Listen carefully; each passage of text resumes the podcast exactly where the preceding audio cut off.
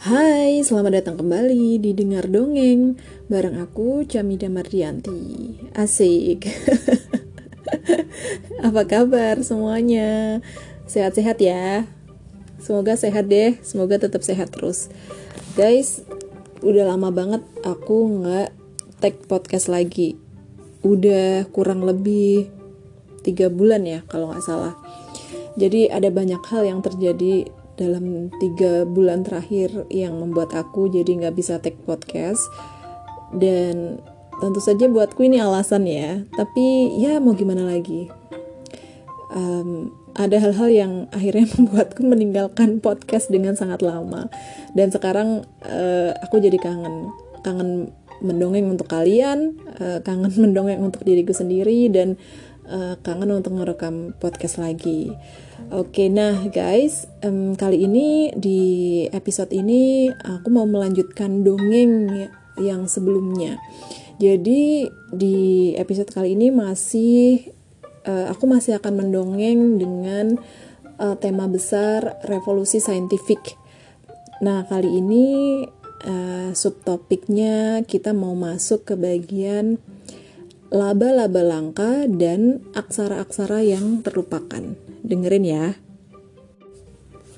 Sains modern dan imperium-imperium modern dimotivasi oleh perasaan yang tak kunjung padam bahwa mungkin ada sesuatu yang penting di balik horizon, sesuatu yang sebaiknya dieksplorasi dan dikuasai. Namun, koneksi antara sains dan imperium berlangsung jauh lebih dalam. Tidak hanya motivasi, tetapi juga praktik-praktik para pembangun imperium berjalin dengan para ilmuwan itu.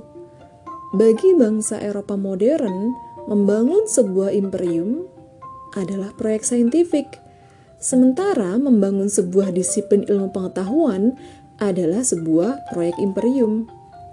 Ketika Muslim menaklukkan India, misalnya, mereka tidak membawa serta para arkeolog untuk mempelajari secara sistematis sejarah India atau para antropolog untuk mempelajari budaya-budaya India atau para geolog untuk mempelajari tanah-tanah India atau para zoologis untuk mempelajari fauna India.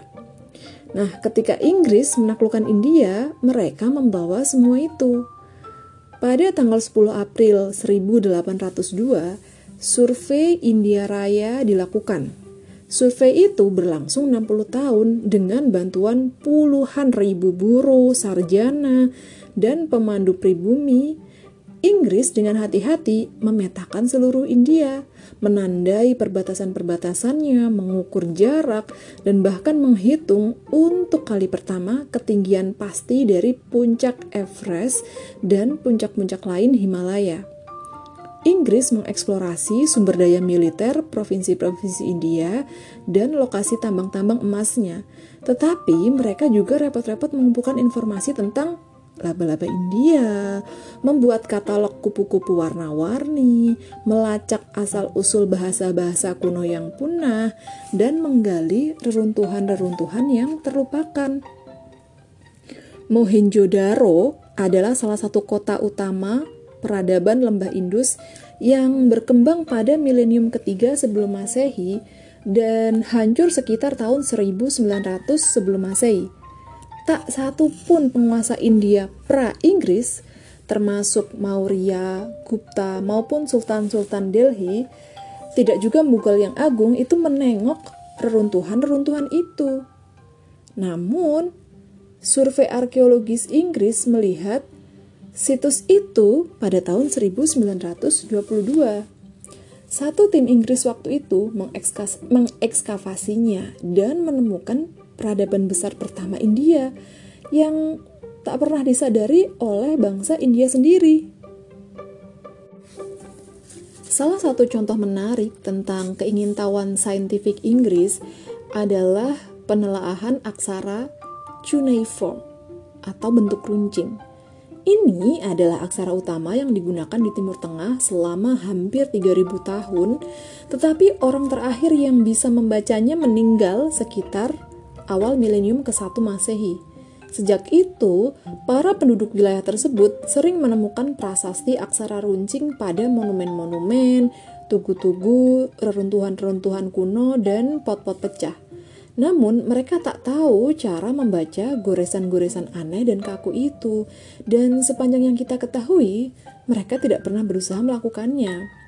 Aksara runcing itu mendapat perhatian bangsa Eropa pada tahun 1618 ketika duta besar Spanyol di Persia melihatnya di reruntuhan Persepolis kuno, tempat dia melihat prasasti-prasasti yang tak seorang pun bisa membaca dia yang tak seorang pun uh, membantu dia untuk membacanya. Nah, berita tentang aksara tak dikenal itu menyebar di kalangan para sarjana Eropa dan mengusik rasa ingin tahu mereka. Lalu pada tahun 1657, para sarjana Eropa menerbitkan transkrip pertama naskah cuneiform dari Persepolis. Setelah itu, lebih banyak lagi transkrip menyusul dan selama hampir dua abad, para sarjana di barat berusaha memahami, memahaminya, namun tak ada yang berhasil. Kemudian pada tahun 1830-an, seorang perwira Inggris bernama Henry Rawlinson dikirim ke Persia untuk membantu Shah melatih angkatan perangnya dengan gaya Eropa. Dalam waktu luangnya, Rawlinson bepergian ke sekitar Persia dan suatu hari dia dipandu oleh pemandu setempat ke sebuah tebing di pegunungan Zagro dan diperlihatkan prasasti Behistun yang sangat besar. Dengan tinggi sekitar 15 meter dan lebarnya 25 meter, prasasti itu menjulang di permukaan tebing yang dibuat atas perintah Raja Darius pertama sekitar tahun 500 sebelum Masehi. Prasasti itu ditulis dengan aksara cuneiform dalam tiga bahasa, yaitu Persia Lama, Elamite, dan Babylon. Prasasti tersebut sangat dikenal penduduk setempat, tetapi tak satu pun bisa membacanya. Rawlinson yakin bahwa jika dia bisa memahami tulisan itu, ia dan para sarjana lainnya akan bisa membaca banyak prasasti dan naskah-naskah yang pada masa itu sedang ditemukan di seluruh Timur Tengah sehingga membuka pintu menuju sebuah dunia kuno yang terlupakan. Langkah pertama untuk memahami aksara itu adalah untuk menghasilkan transkrip akurat yang bisa dikirim pulang ke Eropa.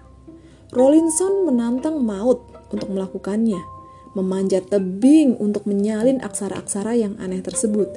Dia mempekerjakan beberapa penduduk setempat untuk membantunya, terutama seorang anak Kurdi yang memanjat bagian yang paling sulit uh, dijangkau dari tebing itu untuk menyalin bagian yang paling tinggi dari prasasti. Pada tahun 1847, proyek tersebut rampung dan satu salinan akurat dikirim ke Eropa. Rawlinson tidak bergantung pada para pembantunya. Sebagai seorang perwira, dia memiliki misi militer dan politik untuk dijalankan. Tetapi setiap kali punya waktu luang, dia menerka-nerka rahasia dalam tulisan itu. Dia mencoba satu demi satu metode dan akhirnya berhasil memahami bagian Persia lama dari prasasti tersebut. Ini yang paling mudah karena Persia lama tak begitu berbeda dari Persia modern yang Rawlinson sangat pahami. Satu pemaknaan dari bagian Persia lama memberinya kunci yang dia butuhkan untuk membuka rahasia-rahasia pada bagian Elamite dan Babylon. Pintu besar itu terbuka dan segeralah keluar suara-suara kuno tapi begitu hidup. Keriuhan pasar-pasar Sumeria, proklamasi raja-raja Assyria, argumentasi para birokrat Babilonia.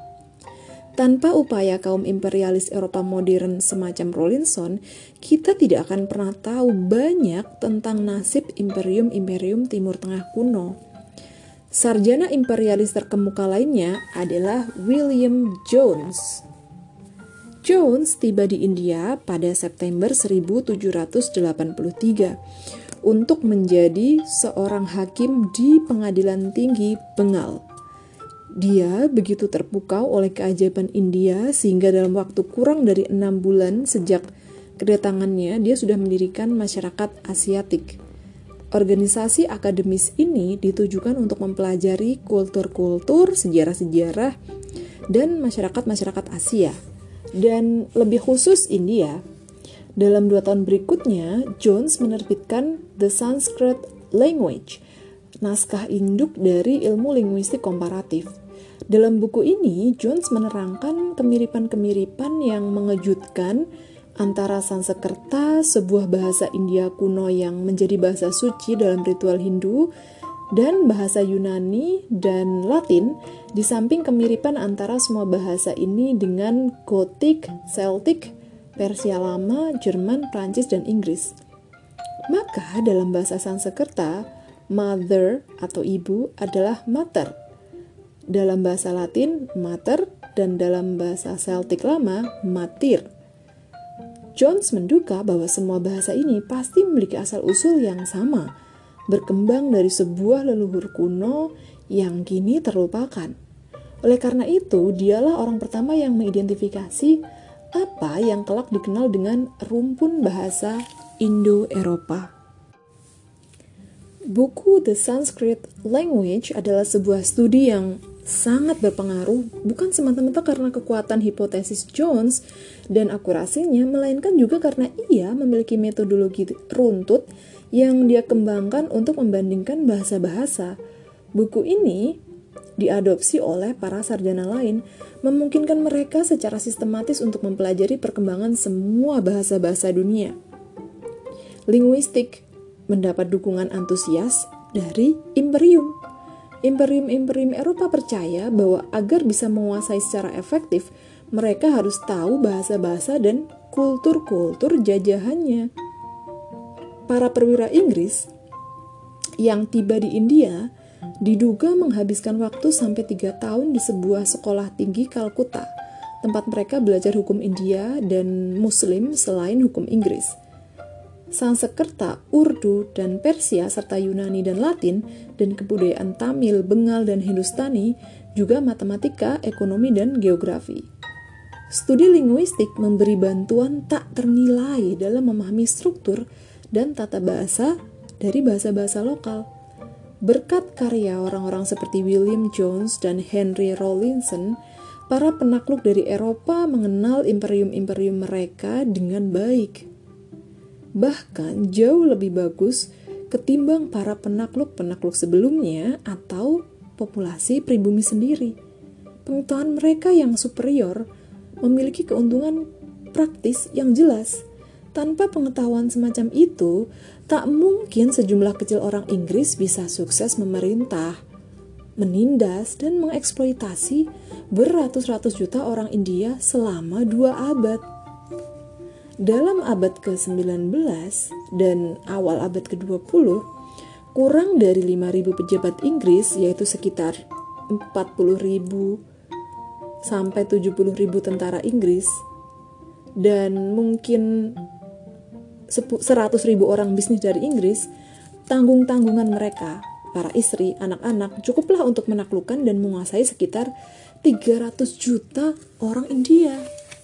Meskipun demikian, keunggulan-keunggulan praktis ini bukanlah satu-satunya alasan mengapa imperium-imperium itu mendanai studi linguistik, botani, geografi, dan sejarah Tak kalah pentingnya adalah fakta bahwa sains memberi imperium-imperium itu justifikasi ideologis.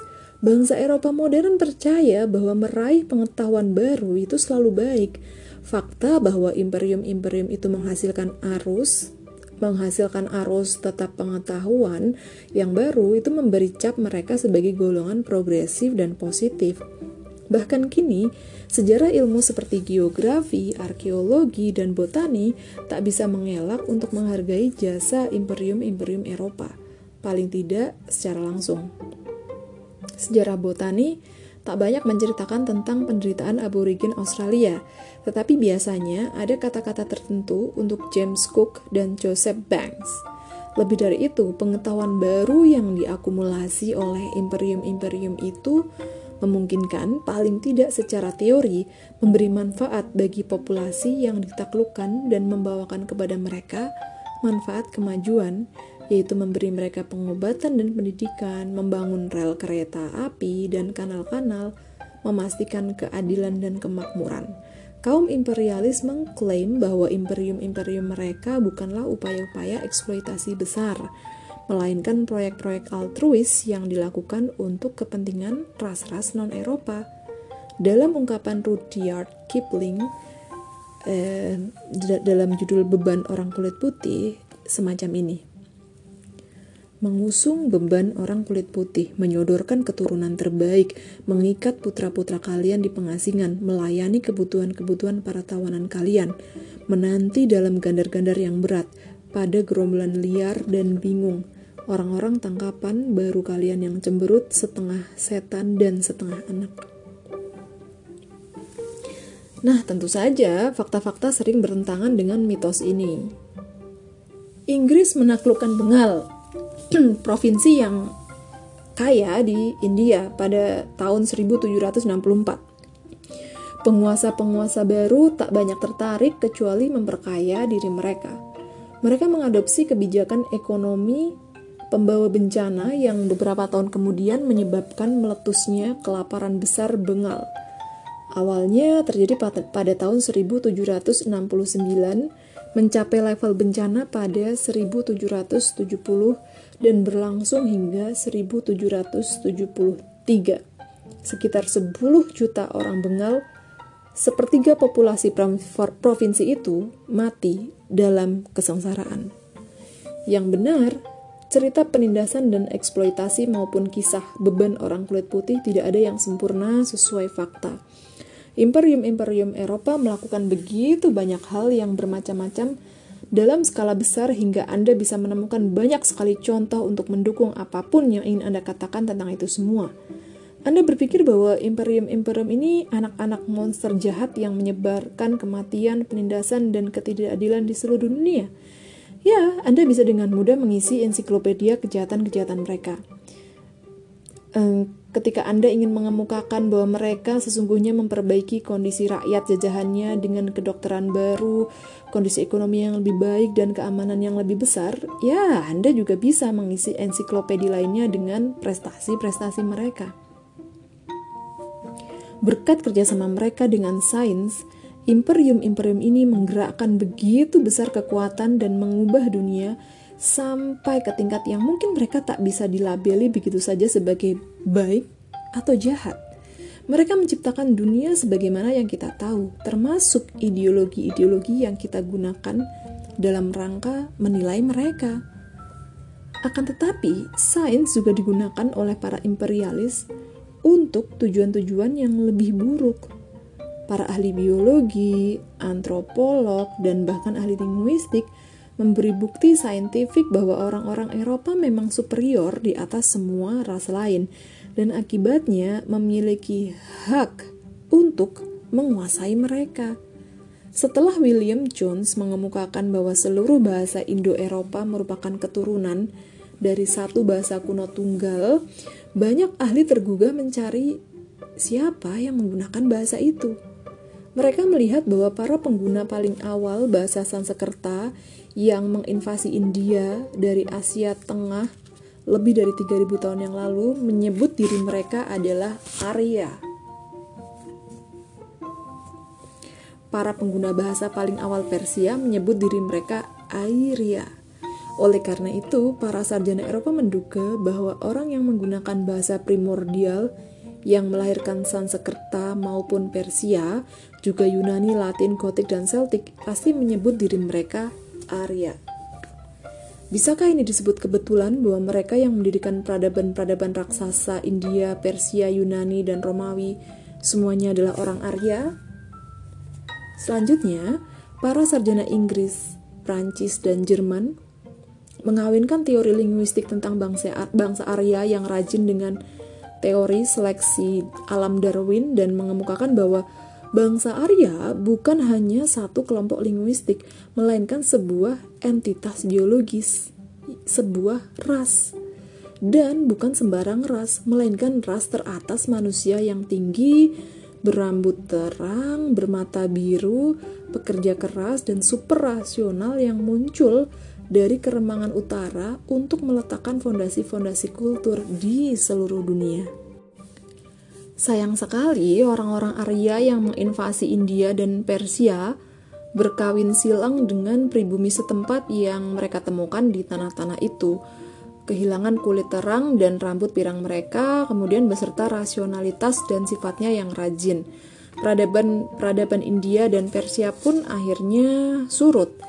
Di Eropa, di sisi lain, bangsa Arya mempertahankan kemurnian ras mereka Itulah sebabnya bangsa Eropa berhasil menaklukkan dunia dan mengapa mereka sanggup untuk menguasainya sepanjang mereka mengikuti kehati-hatian untuk tidak bercampur dengan ras-ras inferior. Teori-teori rasis semacam itu yang menonjol dan dihormati selama berpuluh-puluh tahun menjadi anatema di kalangan para ilmuwan dan politikus politikus sekaligus. Orang-orang terus melakukan perjuangan heroik melawan rasisme tanpa melihat bahwa ajang pertempurannya telah bergeser dan bahwa tempat rasisme dalam ideologi imperium kini digantikan oleh kulturalisme. Tak ada tak ada kata semacam itu memang, tetapi kinilah saatnya untuk menciptakan istilah itu. Di kalangan para elit masa kini, pendapat tentang keunggulan-keunggulan kontras di antara kelompok-kelompok manusia yang berbeda hampir selalu ditulis dalam konteks perbedaan historis antar kultur ketimbang perbedaan-perbedaan biologis dan ras. Kita tidak lagi mengatakan ini ada dalam darah mereka. Kini kita mengatakan ini ada dalam kultur mereka. Maka, partai-partai sayap kanan Eropa yang menentang imigrasi Muslim biasanya peduli untuk menghindari terminologi rasial para, pin, para penulis pidato Marine Le Pen misalnya langsung diusir kalau benar mereka menyarankan pemimpin Front Nasional itu berpidato di televisi untuk mendeklarasikan bahwa kami tidak ingin kaum semit inferior itu mengotori darah Arya kami dan merusak peradaban Arya kami. Namun, Front Nasional Prancis, Partai Kebebasan Belanda, Aliansi untuk Masa Depan Austria, dan sejenisnya cenderung berpendapat bahwa kultur Barat, sebagaimana yang berevolusi di Eropa, dicirikan oleh nilai-nilai demokrasi, toleransi, dan kesetaraan gender, sedangkan kultur Muslim yang berevolusi di Timur Tengah dicirikan oleh politik hierarki, fanatisme, dan kebencian pada perempuan. Karena kedua budaya itu begitu berbeda dan karena banyak imigran muslim tak mau dan mungkin tak mampu mengadopsi nilai-nilai barat, mereka seharusnya tak dibolehkan masuk agar mereka tidak membangun konflik internal dan merusak demokrasi serta liberalisme Eropa. Argumentasi-argumentasi kulturalis semacam itu didukung oleh studi-studi saintifik dalam ilmu-ilmu humaniora dan sosial yang memperjelas apa yang disebut sebagai benturan peradaban dan perbedaan-perbedaan fundamental antara kultur-kultur yang berbeda. Tak semua sejarawan dan antropolog menerima teori-teori ini atau mendukung penggunaannya dalam politik. Namun, sementara para ahli biologi tak kesulitan menolak rasisme dengan menjelaskan secara sederhana bahwa perbedaan-perbedaan biologis antara populasi-populasi manusia masa kini adalah kecil, lebih sulit bagi para sejarawan dan antropolog untuk menentang kulturalisme. Lagi pula, kalaupun perbedaan-perbedaan antar kultur-kultur manusia memang kecil, mengapa harus membayar para sejarawan dan antropolog untuk mempelajarinya? Para ilmuwan telah memberikan proyek imperium dengan pengetahuan praktis, justifikasi ideologis, dan perangkat-perangkat teknologis. Tanpa kontribusi ini, sangat patut dipertanyakan Apakah bangsa Eropa mampu menaklukkan dunia? Para penakluk membalas budi, para penakluk membalas budi itu dengan memberi para ilmuwan informasi dan perlindungan, mendukung semua jenis proyek yang aneh dan menarik serta menyebarkan cara berpikir saintifik jauh ke sudut-sudut bumi. Tanpa dukungan imperium, patut diragukan apakah sains modern bisa mencapai kemajuan sejauh ini. Sangat sedikit disiplin saintifik yang tidak mengawali hidupnya dari para pembantu untuk menumbuhkan imperium dan yang tidak berutang besar untuk penemuan-penemuan, koleksi-koleksi, dan beasiswa-beasiswa mereka pada kemurahan bantuan para perwira militer, para kapten kapal, dan para gubernur imperium. Ini tentu saja bukan seluruh cerita yang lengkap Sains didukung oleh institusi-institusi lain, tidak hanya oleh imperium-imperium. Dan imperium-imperium Eropa tumbuh dan berkembang juga berkat faktor-faktor lain selain sains. Di belakang munculnya kedua meteor, sains dan imperium menggeliat juga satu kekuatan yang sangat penting, yaitu kapitalisme. Kalaupun bukan karena para pengusaha yang ingin menghasilkan uang, Columbus tidak akan mencapai Amerika. James Cook tidak akan mencapai Australia dan Neil Armstrong tidak akan pernah meninggalkan jejak kecil kakinya di permukaan bulan.